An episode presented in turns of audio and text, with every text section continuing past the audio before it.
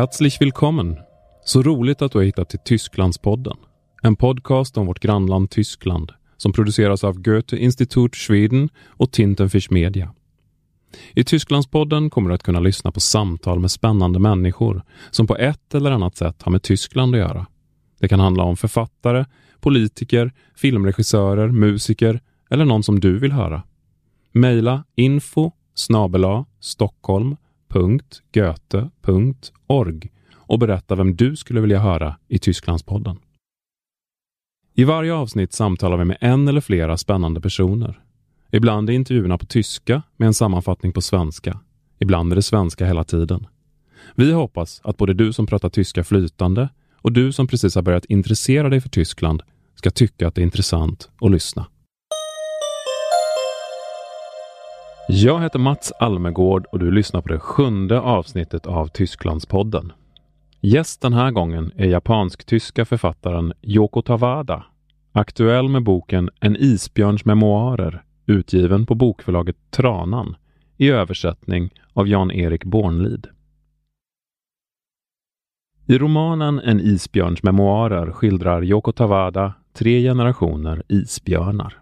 Knut, som blev världskändis när han föddes på Berlins Zoo, är den tredje isbjörnen i boken. Det är hans mormor, en sovjetisk isbjörn som skriver sina memoarer, som inleder. I bokens andra del följer vi Knuts mamma Toska. Och hon var faktiskt en verklig och uppmärksammad cirkusisbjörn i det forna DDR. Särskilt mycket uppståndelse blev det när hon i fångenskap i Berlin födde två små björnungar, varav Knut var den ena. I romanens sista del får vi sedan via Knut en inblick i hur det kan tänkas vara att vara en känd isbjörn på zoo. Eller kanske hur det bara känns att vara känd överhuvudtaget. Jag träffade Yoko Tawada i Goethe Institut Schwedens bibliotek i Stockholm, där hon samma dag samtalade om boken inför publik. Nästa dag skulle hon åka vidare till Umeå för Littfest. Men hur långt norrut har hon egentligen varit? I en isbjörns memoarer handlar det ju en del om att längta till Nordpolen. Har hon varit så långt norrut? Ich glaube, Tromsø war meine nördlichste Stadt. Oder, oder äh, Lofoteninsel. Ich weiß es nicht. In Norwegen war ich auch oft und, und da war ich ziemlich im Norden. Und dieses Jahr wurde auch mein Eisbärbuch ins Isländische äh, übersetzt und, und da fahre ich auch hin. Ja, Tromsö är det nordligaste hon varit. Snart reser hon också till Reykjavik på Island med romanen om isbjörnarna. Även om det inte är lika långt norrut som Tromsö. Yoko Tawada säger att hon tycker om snö och is. Ja, so ist das. Das war mir lange auch nicht selber klar, aber besonders fürs Schreiben. Das heißt, mein Körper mag eigentlich die Hitze, schwüle Hitze und in Südostasien, so in Thailand und fühle ich mich wohl. Also mein Körper, aber mein Geist, ne? Mein Geist liebt die Kälte. In der Kälte kann ich am besten denken und auch schreiben und ich mag auch sehr gern den Winter. Das war mir auch nicht klar. Ich habe früher in Hamburg gelebt und jetzt in Berlin und in Hamburg dachte ich, Mann, der Winter ist so dunkel und so lang. Aber in diesem Winter habe ich meine Gedanken gesammelt und mich zurückgezogen und das zur Sprache gebracht. Irgendwie, ich brauchte diese Zeit. Und dann irgendwann dachte ich, ja, der Eisbär, Eisbär macht ja auch einen Winterschlaf, ne? Und für mich ist diese Schreibzeit im Winter wie ein wie ein Winterschlaf. Also ich schlafe nicht in Wirklichkeit. Ich bin, ich bin hellwach, aber, aber weniger soziale Kontakte oder weniger Reisen, sondern, sondern bei sich halt. Det tog ett tag innan hon insåg att kyla och vinter var bra för hennes skrivande. Yoko Tawada tycker egentligen om Sydostasien. Thailand exempelvis, för det härliga klimatet. Men för att skriva behöver hon kyla och under vintern säger hon sig gå i en slags ide som en isbjörn. Hon sover såklart inte, men hon reser inte så mycket, träffar heller inte så mycket folk, utan koncentrerar sig fullt ut på skrivandet. En isbjörns memoarer handlar alltså om tre isbjörnar. Jag frågar henne när hon visste att hon ville skriva en roman om just isbjörnar. Alltså, also zuerst war Knut, der Eisbär im Berliner Zoo, nur ein Phänomen, ein soziales Phänomen für mich. Ich fand das schon interessant und ich mag auch Tiere, aber ich hatte nicht gedacht, dass ich darüber ein Buch schreiben würde. Aber nach und nach sind viele Gedanken und Zeitungsartikel gesammelt und es wurde immer interessanter. Und irgendwann habe ich automatisch angefangen, darüber nachzudenken. Ähm, also seine Mutter fand ich interessant, Tosca, Tosca und Knut. Und dann dachte ich, ich brauche die dritte Generation, die Generation davor, die Großmutterfigur, die habe ich erfunden. Und, aber der ganze Prozess geschah nach und nach sehr langsam. Det började med Knut och efter ett tag insåg Joka Tawada att hon samlat på sig tillräckligt med material för att börja skriva om honom och hans mamma Tosca. Det är nog den bok hon gjort mest research för att kunna skriva.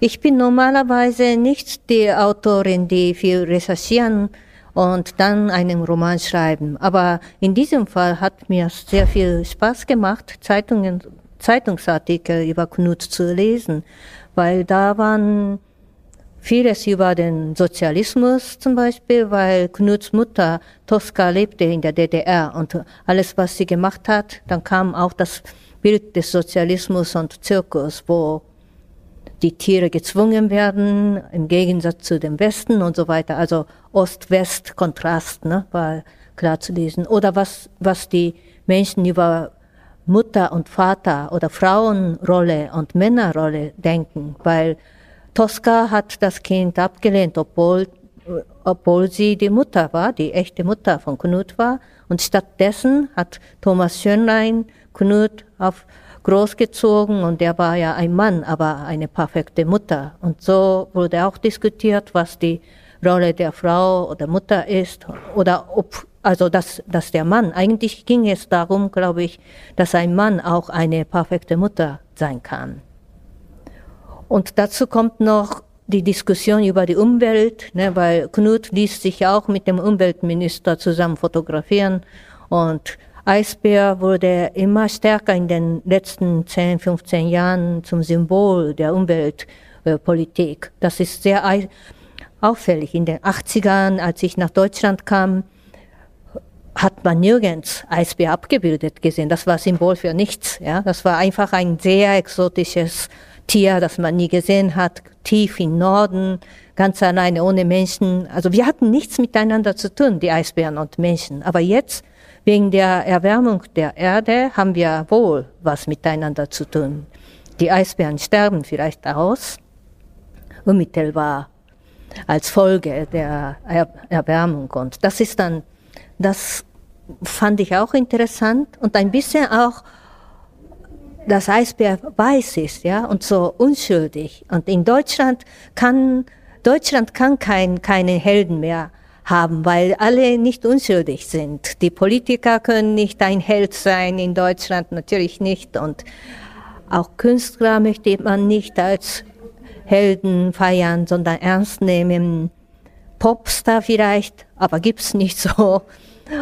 Und dann ist ein Tier, ein weißes Tier, weil Knut war politisch wirklich unschuldig. Und das ist ganz schwer heutzutage. Und Knut hat das geschafft, ähm, ein kollektives Heldenbild zu präsentieren vielleicht. Selbst die, also New York Times ne, hat so oft über Knut berichtet und, und da stand in der deutschen Zeitung, Knut war der also kein anderer Deutscher, genau, kein anderer Deutscher war so oft in New York Times wie Knut. Also der hat auch das Land präsentiert. Det började alltså med att hon läste om Knut och så samlade hon artiklarna på hög. Efterhand insåg hon att Knut stod för så många olika saker. Han var en symbol för miljöförstöring och klimatfrågan. Han var en oskyldig snövit kändis och en symbol för hela Tyskland som representerade sitt land internationellt. I och med att hans mamma var stadscirkusbjörn i det forna DDR fanns det också beröringspunkter med den tyska historien. Och när Tosca inte intresserade sig för Knut och hans bror efter födseln var det många som tolkade det som ett resultat av att Tosca och andra djur stressats för hårt i den socialistiska stadscirkusen. Knut föddes istället upp av djurskötaren Thomas Schönlein och det bidrog till en tysk debatt om hur det är med män och kvinnor som tar hand om sina barn och vem som är bäst lämpad för det. Yoko Tawada föddes år 1960 i Tokyo i Japan.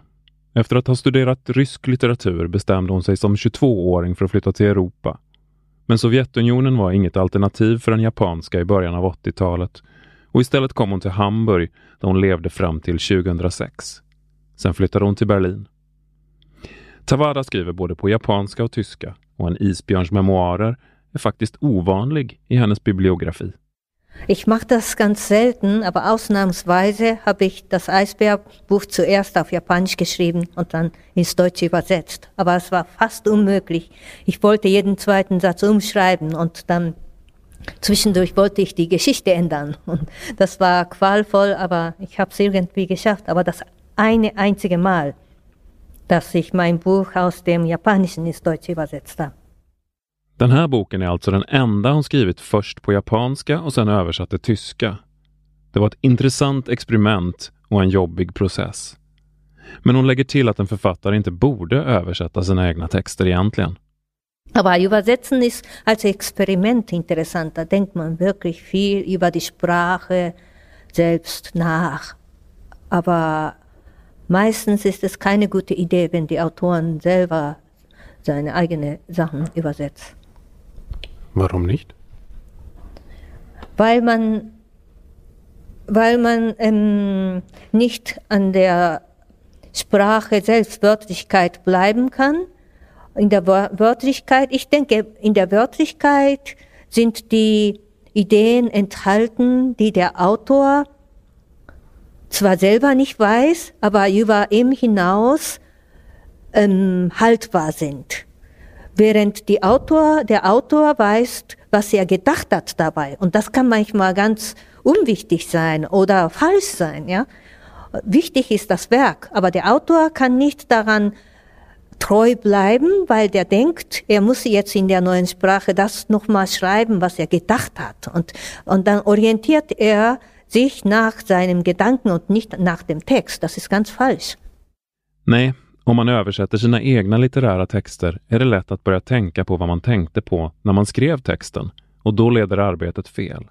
För det är ju texten som är det primära, menar Yoko Tawada, inte vad författaren som skrev texten tänkte på. I en isbjörns memoarer refererar berättaren till Frans Kafkas båda berättelser Josefin, sångerskan eller musfolket och Den sanningssökande hunden.